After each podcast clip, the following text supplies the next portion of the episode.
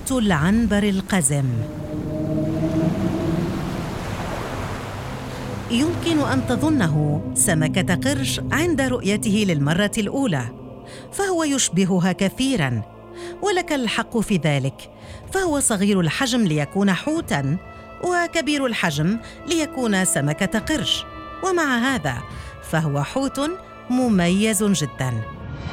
يمتلك هذا الحوت جسما صغيرا ممتلئا وبسبب زعنفته الظهرية المدببة وفكه السفلي يشبه القروش. طول هذا الصغير يصل إلى مترين ونصف المتر ووزنه يتراوح بين 150 كيلوغراما إلى 270 أما لون هذا الحوت فهو رمادي فاتح. بطنه أبيض وعادة ما تظهر عليه بقع أرجوانية. زعنفته الظهرية منجلية الشكل مقوسة فيها بعض التجاويف الدائرية ويبلغ ارتفاعها 60 سنتيمتراً. أما عن زعنفته الذيلية فهي مدببة بعرض 60 سنتيمتراً ورأسه مخروطي الشكل ويبلغ حجمه سدس حجم جسمه. ورغم شكله الوديع الذي يمتلكه فهو يخفي في فمه ثلاثة عشر زوجاً من الأسنان الحادة. توجد لديه خياشيم كاذبة أي شكلية تشبه خياشيم الأسماك العادية لكنها مجرد شكل فقط فهو يتنفس عبر فتحة النفث كباقي الحيتان.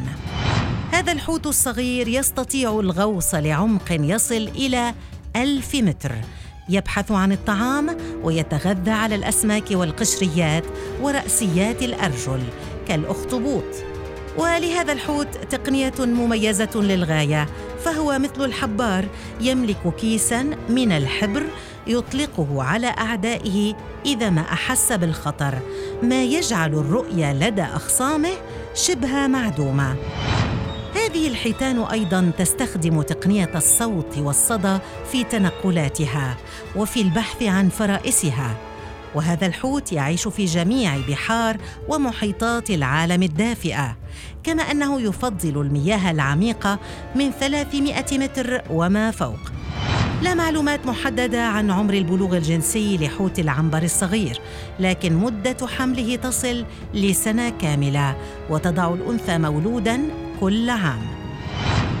حوت العنبر القزم لا يعد مهددا بالانقراض لكن هذا لا يلغي حجم المخاطر التي يواجهها فهو وجبة شهية لأسماك القرش وحيتان الأوركا وأيضا خطر التلوث يحيطه من كل جانب. وعلى عكس الكثير من الحيتان لا رغبة ملحة في اصطياد هذا الحوت.